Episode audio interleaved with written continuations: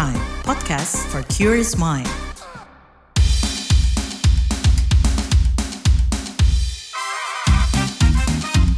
What's Trending KBR Pagi, siaran pagi radio paling update. KBR Pagi, siaran pagi radio paling update. Selamat pagi, apa kabar kalian semua di hari Kamis 28 Desember 2023. Bersama saya Leo Baneza di What's Trending KBR Pagi pastinya. Kesepian landa warga kota, gak bahaya tak? Itu yang bakal kita obrolin pagi ini.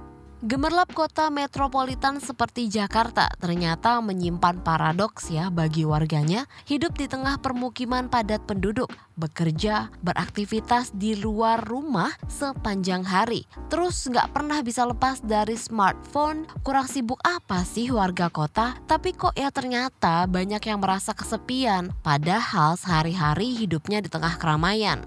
Itu tuh berdasarkan hasil penelitian Health Collaborative Center, lembaga riset non-profit di bidang kesehatan masyarakat. Temuannya menunjukkan separuh warga Jakarta mengalami kesepian. Rinciannya 44% dilanda kesepian tingkat sedang dan 6% kesepian tingkat berat. Survei ini digelar Oktober 2023 lalu. Respondennya meliputi mereka yang telah menikah 82 persen, perantau 32 persen, dan tinggal bersama orang tua 47 persen. Nah menariknya, survei ini juga mengungkap ternyata banyak yang gak sadar diri nih kalau kesepian. Jumlahnya lebih dari 600 orang loh. Nah, pada 2021 bahkan sudah ada riset dari Into the Light dengan change.org, mereka menemukan 98% respondennya merasa kesepian, bahkan sebanyak 40% ya mengalami kecenderungan melukai diri sendiri. Nah, topik soal kesepian ini belakangan memang jadi bahan serius karena dampaknya bisa fatal. Misalnya, pada kasus-kasus bunuh diri, WHO juga udah menunjukkan concernnya. Kesepian disebut sebagai ancaman kesehatan global dan lebih berbahaya dari merokok 15 batang sehari. Kita bakal bahas gimana sih kesepian ini mempengaruhi kehidupan warga perkotaan, seberapa berbahayanya, dan bagaimana cara mengatasi kesepian setelah komen netizen plus 62 berikut ini.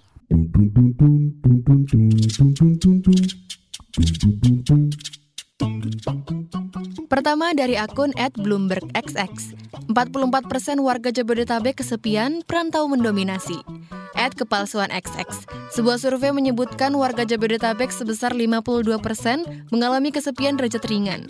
Sisanya sebanyak 6% mengalami kesepian derajat berat. Masa iya? At KXX, gue mengiyakan. Tapi gue udah 6 bulan keluar dari Jabodetabek pun masih ngerasa kesepian. Selanjutnya dari akun at JemoXX. Aku bukan Jabodetabek tapi kesepian juga. At HalodoXX. Ramainya Jabodetabek tidak menjamin bagaimana seseorang bisa merasakan kesepian di tengah keramaian yang ada. Apalagi anak rantau. Kalau udah pulang kuliah atau kerja, balik ke kosan pasti berasa banget sepinya. Jadi semangat untuk kita semua. At TNKXX. Harusnya aku udah di penjara, soalnya tiap hari selalu cari cara buat membunuh kesepian. At Lagos XX. Sebenarnya kesepian, namun resiko negatif dari menjalin hubungan membuatku tetap bertahan di kesendirian. Iming-iming ada luka di percintaan telah membunuh hasratku yang ingin terjun ke dunia percintaan. Tanda kutip Hopskin. Dan yang terakhir dari akun at SandyXX. Yang ku baca kesepian itu lebih membunuh daripada merokok ya dok. Aku coba hapuskan kesepian dengan gym, doa banyak-banyak, dan mengusahakan selalu ngobrol baik ke orang langsung maupun via online di medsos. What's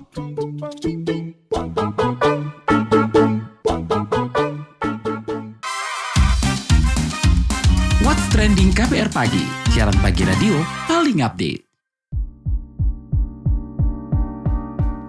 Nah, perasaan terisolasi atau terputus dari orang lain alias kesepian ini sebenarnya bersifat sementara dan tidak berbahaya. Tapi melansir laman Hello Sehat dari Kemenkes, kalau rasa sepi itu berlarut-larut, makin memburuk bisa berdampak pada kesehatan fisik dan mental. Misalnya, penurunan fungsi otak, gangguan tidur, stres hingga meningkatkan penyakit kardiovaskular dan potensi kanker. Siapa saja sih yang berpotensi dilanda kesepian? Ada nggak cara mengatasinya?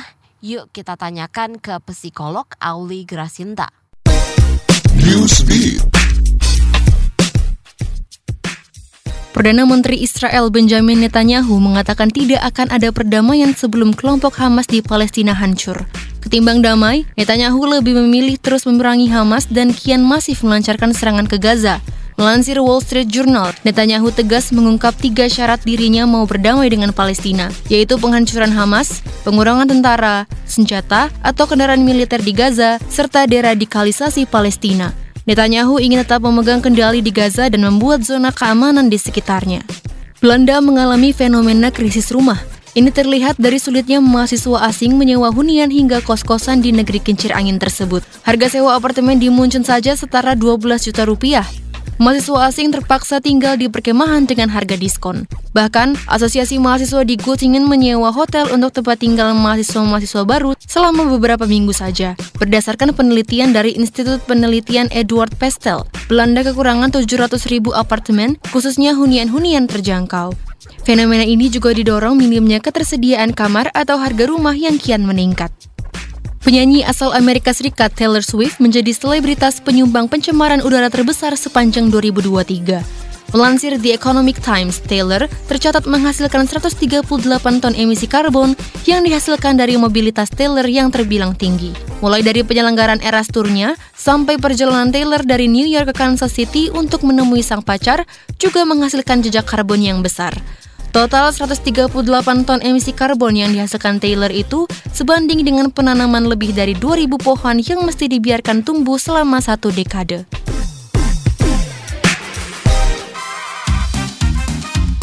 What's Trending KPR Pagi, siaran pagi radio paling update.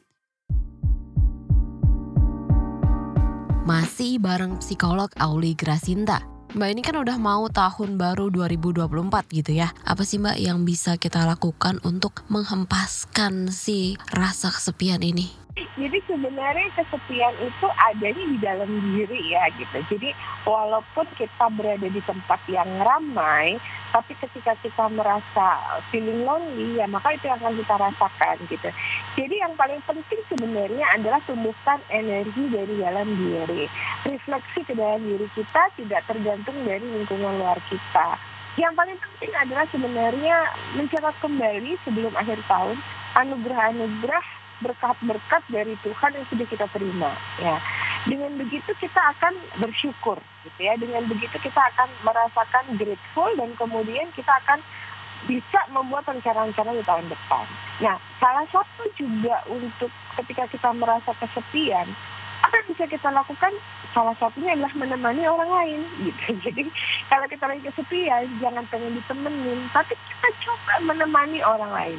Orang-orang yang kita rasa tampaknya dia perlu ditemani gitu. Nah itu sebenarnya akan membuat kita menjadi lebih berarti ya gitu lebih berarti, lebih punya makna dalam kehidupan kita sehingga tadi kita bisa merefleksi apa yang sudah Tuhan berikan selama tahun-tahun sebelumnya dan bisa kemudian membuat rencana-rencana ke depan yang lebih baik.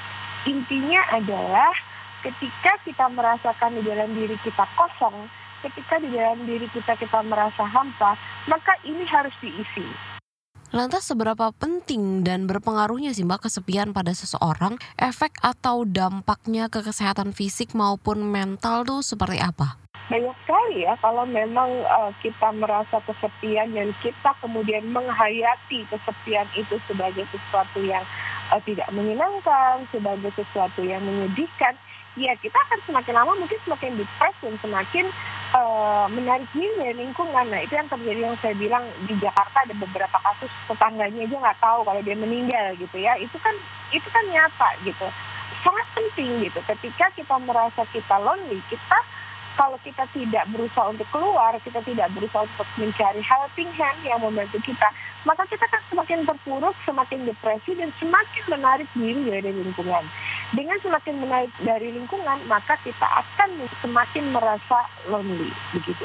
Jadi sangat penting. Kemudian efeknya bagi kesehatan bagaimana? Tentu saja apa pun yang ada dalam pikiran kita, apa pun yang terjadi dalam psikologis kita akan berpengaruh terhadap fisik kita. Gitu. Itu apa psikosomatis ya namanya memang memang akan demikian kalau kita depresi tentu nanti kita akan dilanjutkan dengan beberapa penyakit-penyakit secara fisik lanjutan gitu. Nah, seberapa penting ini harus diatasi? Ya sesegera mungkin gitu. Kenapa? Karena kalau memang sampai uh, kita merasa lonely, kita merasa sendiri, merasa tidak ada yang mencintai, merasa hampa, akhirnya kita juga tidak akan menemukan apa sih tujuan hidup kita dan akan sangat mudah untuk menyerah kepada tindakan-tindakan misalnya eh, bunuh diri, putus asa dan sebagainya. Begitu. Yang pasti masalah-masalah psikologis akan berdampak kepada masalah fisik. Yang terakhir nih Mbak, kadang kan kita suka menyepelekan rasa kesepian gitu ya. Eh kayak nanti juga hilang gitu. Kayaknya ya udah cuma kesepian doang. Tapi orang-orang kesepian yang udah berusaha membangun relasi namun tetap merasa kesepian itu perlu nggak sih Mbak sampai mendapat bantuan ke ahli gitu? Ya tentunya tadi ya ketika masih kesepian dalam taraf wajar tentu semua orang akan mengalami ya gitu. Nah, ada yang namanya emptiness gitu ya. Emptiness itu rumah yang kosong misalnya kita dari terutama di Jabodetabek ini kan banyak banget ya yang misalnya dari daerah datang tidak punya saudara, tidak punya sahabat ya itu mengalami emptiness, rasa kekosongan gitu. Kalau misalnya kita merasakan itu masih bisa kita handle atau ini dalam bentuk yang wajar, ya tentunya kita harus segera untuk mencari solusi. Tetapi ketika kita tahu bahwa kita sudah nggak bisa mengatasi ini sendiri tadi misalnya ya, ada simptom-simptom depresi, kok semakin lama saya semakin tidak ingin ketemu orang, karena saya tidak ingin ketemu orang, akhirnya pekerjaan saya terganggu. Oh, semakin lama saya semakin mudah merasa sedih. Saya ada di rumah, tiba-tiba saya bisa nangis tanpa bisa bisa kendalikan. Nah, kalau kita sudah merasakan simptom-simptom yang tidak bisa kita kendalikan seperti itu, maka kita perlu untuk mengakses ke layanan profesional seperti psikolog, dokter, dan sebagainya untuk mengetahui sebenarnya apakah kita ini hanya feeling lonely atau kita sudah sampai pada tahapan depresi yang semakin dalam gitu. Jadi kebutuhan untuk bisa pergi ke layanan profesional itu juga sebenarnya uh, bisa kita rasakan sendiri ataupun bisa juga diberitahukan oleh lingkungan sekitar. Misalnya ketika ada lingkungan sekitar mengatakan, eh lu kok nggak pernah gaul sih, eh lu pergi apa uh, sendirian mulu. Nah itu sebenarnya bisa uh, jadi feedback buat kita bahwa apakah saya perlu mendapat uh, layanan uh, profesional atau tidak gitu.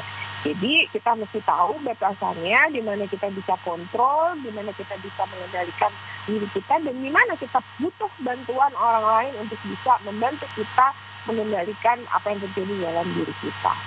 Oke, terima kasih. Itu tadi psikolog Auli Grasinta.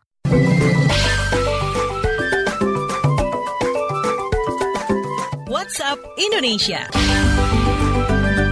WhatsApp Indonesia kita mulai dari kabar pemilu 2024. Profesionalitas KPU sebagai penyelenggara pemilu dipertanyakan usai temuan pengiriman ribuan surat suara ke Taipei, Taiwan yang mendahului jadwalnya.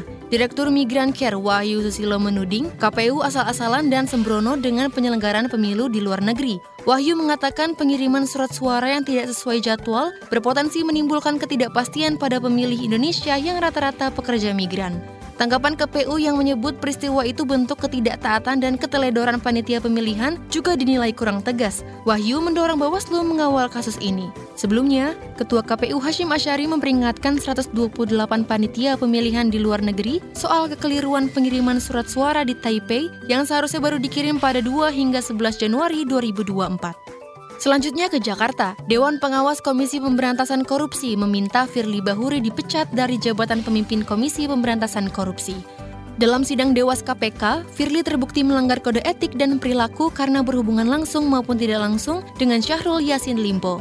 Kala itu Syahrul tengah diproses dalam kasus dugaan gratifikasi dan pencucian uang di Kementerian Pertanian. Dewas menyatakan, tindakan Firly menimbulkan benturan kepentingan dan tidak menunjukkan keteladanan serta tanggung jawab sebagai pemimpin KPK. Sebelumnya, Firly sempat mengajukan surat pengunduran diri, tetapi permintaan itu ditolak dan proses etik di Dewas pun berlanjut.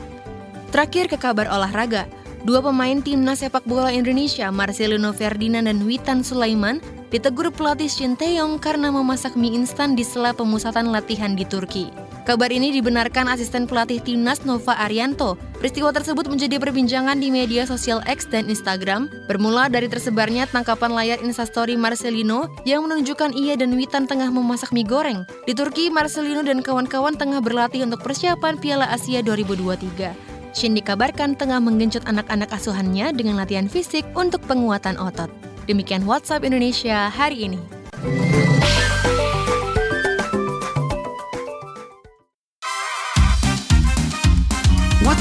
KBR Pagi, siaran pagi radio paling update.